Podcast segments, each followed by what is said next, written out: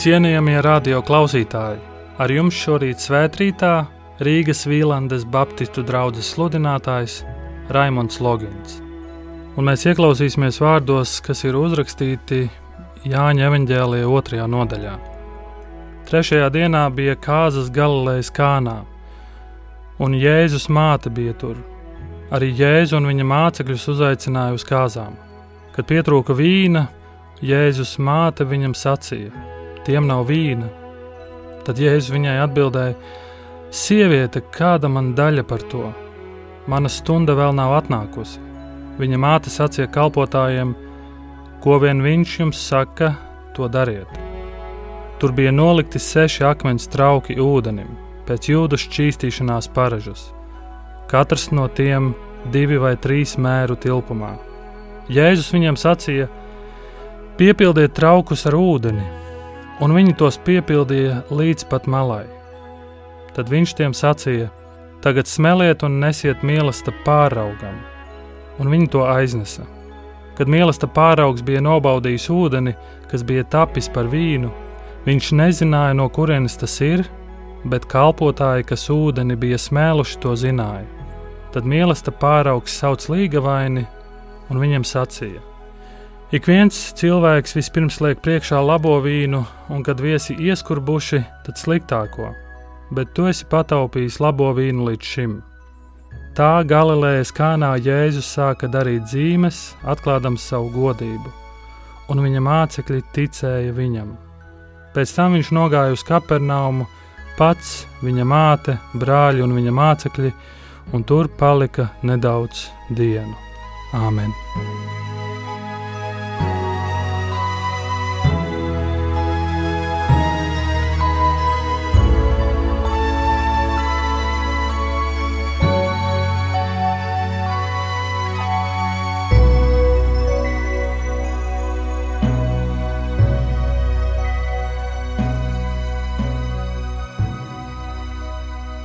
Jēzu Kristu, mēs lūdzam arī šodien pēc brīnuma, pēc brīnuma saprast, pēc brīnuma dzirdēt, pēc brīnuma atsaukties un paklausīt.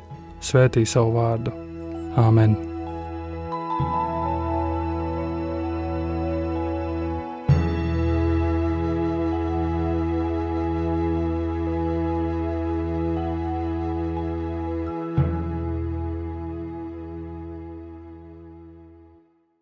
Šodien kopā ar jums vēlos domāt par kāzām, jo ir taču vasara un vasaras mēneši ir bagāti ar kāzu svinībām.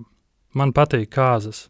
Tās man atgādina par manām kāzām, satraukumu pilnas, taču visapkārt tev mīļie cilvēki un draugi, jauns sākums.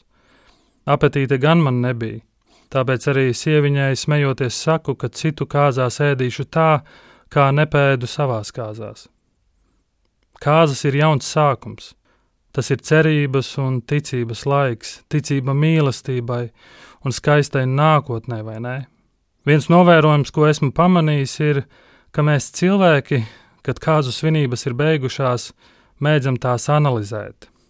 Kāda bija kāzu kleita, un vai ēdiens pietika? Cik ilgi kāzu viesiem bija jāgaida jaunais pāris no fotosesijas? Un ko tu saki par jaunā pāra pirmo dēļu? Kā būtu, ja mēs šodien panelizētu kādas citas kāzas? Kāzas, kur jaunais pāris mums nav zināms, kuru tradīcijas mums ir svešas, taču ir vērts tās analizēt, jo šajās kāzās ir noticis brīnums. Jāņa evanģēlija autors, rakstot par šīm kāzām, atklāja mums kāzu svinību vietu - neliels ciems, Kāna, kas atrodas Izrēlā, Galilejas reģionā. Tajā laikā nebija ierasts doties kāzu ceļojumā, jeb medus mēnesī. Tajā laikā uz kāzām tika aicināts viss ciems, svinēt šo tik ļoti lielo notikumu. Kāzu izmaksas vajadzēja nosakt līgavainim, un jūdu kāzās svarīgs elements ir vīns. Vīns jūdiem simbolizē labklājību. Tā kā vecās derības pravietis Amusa grāmatā apraksta, redzi nāk dienas, saka kungs, kad arājs ražas vācēju panāks, un vīnspiedējs to, kas sēj sēklu, un kalni no saldvīna pilēs, pakalni pludos no tā. Lūk, kā pravietis apraksta pārticību. Kalni no saldvīna pilēs un pakalni pludos no tā. Tātad mēs atrodamies ciemā ar nosaukumu Kāna. Tur ir arī Jēzus māte, un pēc rakstiem var noprast, ka viņai ir kaut kāda radniecība ar līgavu vai līgavaini. Marija nav vienkārši viesis, tāpēc viņa arī reaģē uz atgadījumu kāzās. Viņa pienāca pie Jēzus un sacīja: Tiem nav vīna. Un šo ir svarīgi panalizēt. Tajā laikā, ja kāzās pietrūkst vīns, tad tā ir nopietna problēma. Līgavas vecākiem tā ir zīme, ka līgavainis nespēs parūpēties par līgavu. Tas arī ir kauns jaunajam pārim, liels kauns, par ko ilgi un dikti viss ciemats runās. Tas ir tik nopietni, ka tas var novest pat pie tiesu darbiem. Un kā paši rabīni saka, ja nav vīns, nav arī prieks. Vīns tātad simbolizē labklājību, pārticību un arī prieku. Un tas, ko mēs varam ievērot, ir, ka ir noticis kļūdains aprēķins. Iespējams, šis pāris bija trūcīgs. Iespējams, viņi cerēja, ka viesu būs mazāk, ka visi būs atvaļinājumos. Mēs nezinām patieso iemeslu, bet problēma ir nopietna. Tas var atstāt ļoti nopietnu ietekmi uz šo jauno laulību. Tas ir liels kauns. Tāpēc arī Jēzus māte nāk pie Jēzus un viņam atklāja šo lielo problēmu uz ko Jēzus atbild: Sieviete, kāda man daļa par to? Mana stunda vēl nav atnākusi. Ko? Kas tikko notika? Jēzu, kā tu runā ar savu māti? Tā varētu būt mūsu pirmā reakcija, dzirdot Jēzus atbildi. Vai tiešām Jēzum ir viena alga? Taču tas, kā Jēzus uzrunā Mariju, nav necienīgi, kā tas izklausās mūsu ausīm tā patiesībā ir izrādīta cieņa. Un uzrunājot Mariju šādā veidā, Jēzus parāda, ka šīs ir arī kunga un ticīgas sievietes attiecības. Marija pazīst Jēzu. Viņa ir redzējusi, kā viņš izaug no zēna par vīrieti. Mēs Bībelē lasām, ka viņa visus vārdus patur un noglabā savā sirdī. Un Jāņa evanģēlī beigās mēs redzam, ka Jēzus māte ir pie krusta, kurā mirst Jēzus, un Jēzus māti uzrunā: Sieviete, redzi, tavs dēls! Jēzus Marijai atbild ko tādu, ko viņa visdrīzāk vēl nesaprot. Mana stunda vēl nav atnākusi. Kad Jēzus lieto šo vārdu stunda, Jēzus runā par savas kalpošanas kulmināciju. Stunda ir ir Jēzus nāves stunda. Stunda ir Jēzus pagodināšanas stunda, un stunda ir tas brīdis, kurā pasaulē paveras mūžīgā dzīvošana. Jā, tā stunda vēl nav pienākusi, taču Jēzus mātes ticības lūgums nepaliek bez atbildes. Un svarīgi ir saprast, ka iemesls, kāpēc Marija nāk pie Jēzus, nav Jēzu aizēja uz vietējo veikalu un atnes pudeli vīna. Nē, viņa lūdz Jēzum risinājumu. Viņa lūdz kaut ko lielāku. Es īsti nezinu, kā raksturot pirmā gadsimta jūdu māti, taču šeit mēs redzam ļoti neatlaidīgu sievieti. Sievieti, kas rīkojas ticībā, sievieti, kas zina, pie kā vērsties, kad ir grūtības. Jēzus mātes reakcija uz Jēzus vārdiem nebija, kā tu uzdrīksties runāt ar savu māti, nebūt nē, bet lūk, kāda ir viņas reakcija. Viņa māte sacīja kalpotājiem, ko vien viņš jums saka, to dariet. Vislabākais padoms, kāds jebkad var tikt dots, visu, ko Jēzus saka, to dari. Un šie kalpotāji tā arī dara, un ziniet ko? Notiek brīnums. Pirms mēs analizējam tālāk šīs kārtas, es vēlos mazliet apstāties un uzdot tev jautājumu, vai ar mums nav līdzīgi, kā arī mēs savu dzīvi dzīvojot, esam veikuši kļūdainu aprēķinu? Vai nav tā, ka dzīvojam ar ilūziju, ka mana karjera, jaunās attiecības, mana jaunā mašīna vai māja, vai daudzie ceļojumi un nauda manā kontā ir šis vīns, kas nekad nebeigsies.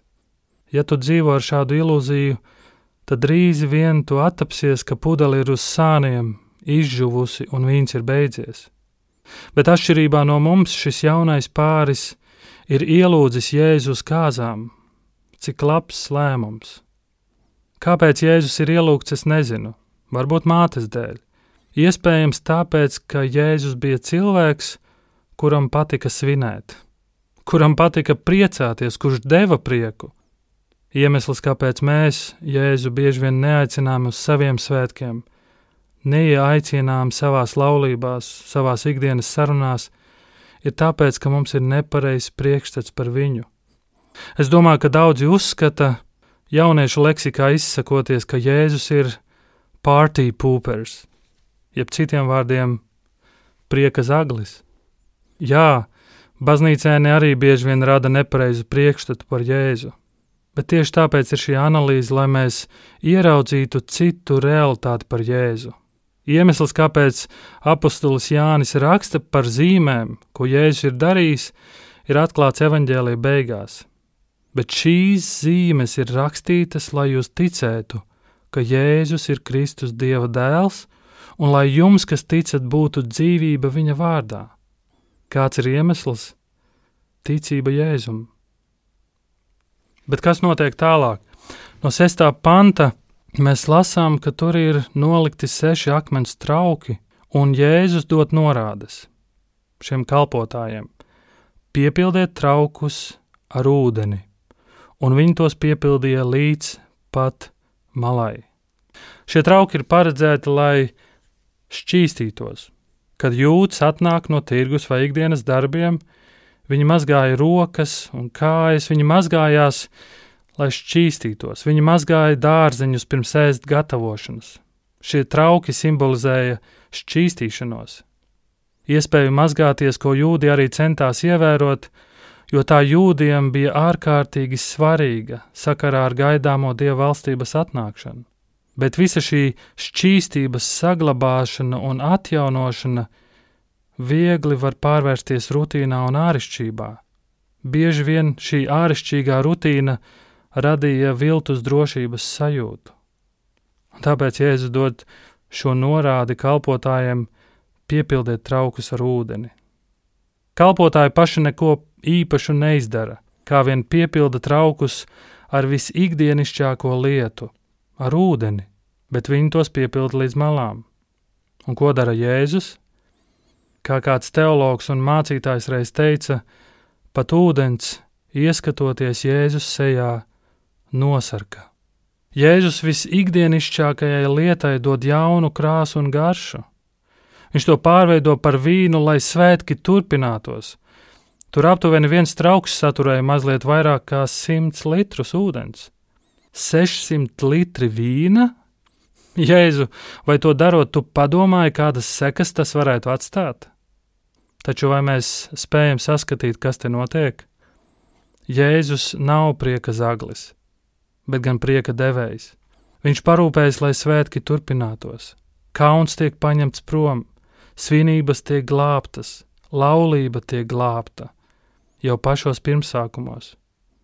Ticība, darbie klausītāji, nes augļus, Jēzus mātes ticība nes rezultātu. Kalpotāja ticība dod rezultātu, jo tie piepilda traukus līdz malām, kā rezultātā vīns pietiek visiem un pat paliek pāri. Kā reiz teica slavenais mācītājs Čārls Spērģents, kad tev liek viņam ticēt, tici viņam līdz malām. Kad tev liek viņu mīlēt, mīli viņu līdz malām, kad tev ir pavēlēts viņam kalpot, kalpo viņam līdz malām. Un pēc tam, kad notiek šis brīnums, Jēzus dod nākamo norādi. Un viņš saka kalpotājiem, Tagad smeliet un nesiet to mīlestību pāraugam. Pat mīlestība pāraugs izdara secinājumu. Un šis secinājums ir, ik viens cilvēks vispirms liek priekšā labo vīnu, un kad viesi ieskurbuši, tad sliktāko, bet tu esi pataupījis labo vīnu līdz šim. Vai tu redzi, Jēzus ne tikai glāb laulību, Ne tikai glāb līgavaini no kauna, bet Jēzus dēļ līgavainis saņem uzslavu. Jēzus ne tikai radīja lielu daudzumu vīna, bet arī tā kvalitāte pārsteidza banketu vadītāju. Kādu analīzi esam šeit veikuši? Mēs daudz varētu izsecināt no šiem pantiem.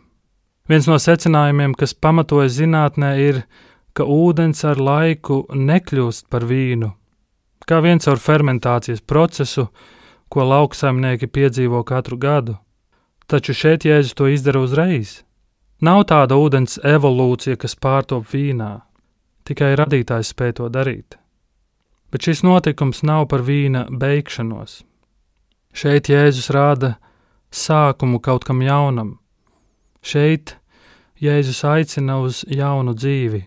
Iespējams, tu apzinājies, ka tavs vīns ir izbeidzies, ka tava dzīve ir tukša un bezkrāsaina, un ka nekas vairs nezied. Iespējams, tu jūties, ka vairs nav dzīvības un jēgas, un ka pats labākais, kas tev ir bijis, nu ir beidzies, un iespējams tev par to ir kauns. Tev ir kauns, ko cilvēki teiks.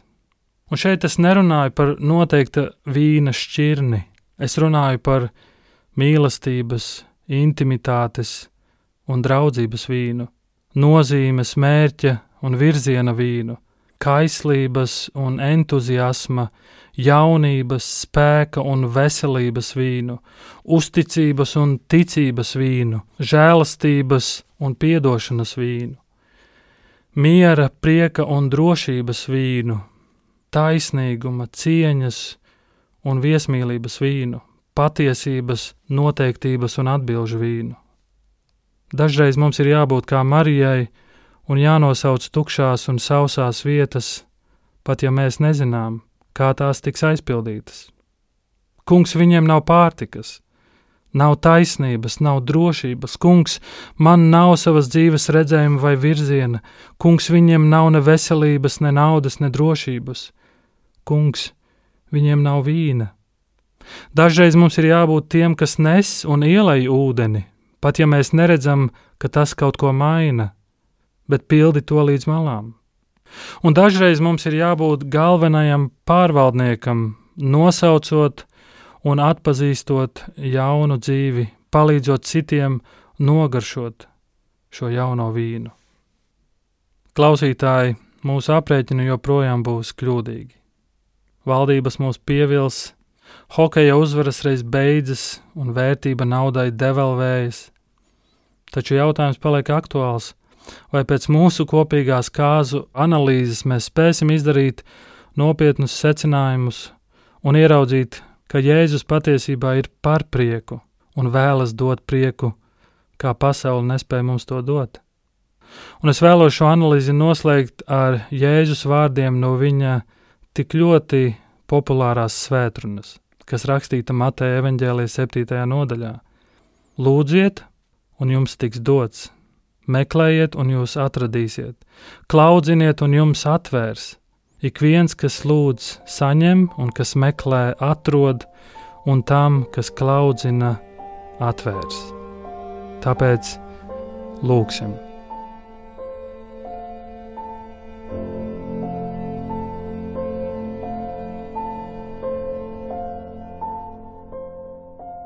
Jēzu Kristu, mēs pateicamies Tev!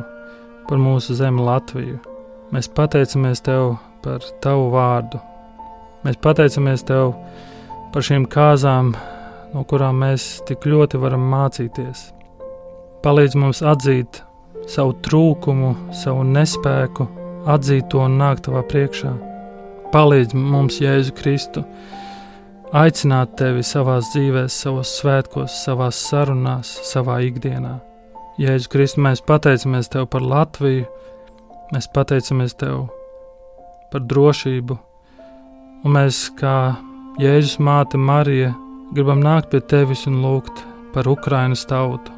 Un tu redzi, ka viņiem trūks drošības, ka viņiem trūkst spēka, ka viņiem trūkst miera, un mēs ļoti lūdzam dāvāt to šai tautai. Mīļais Jēzus, mēs ļoti lūdzam, esi žēlīgs šai tautai pasargā no ienaidnieka, izdzen šo ienaidnieku ārā. Un mēs lūdzam par sevi, par mūsu mājām, par mūsu laulībām, par mūsu dzīvēm. Piepild mūs ar šo savu vīnu, ar savu prieku, kas nekad, nekad nebeidzas. Jēzu, to mēs lūdzam Tavā vārdā. Āmen!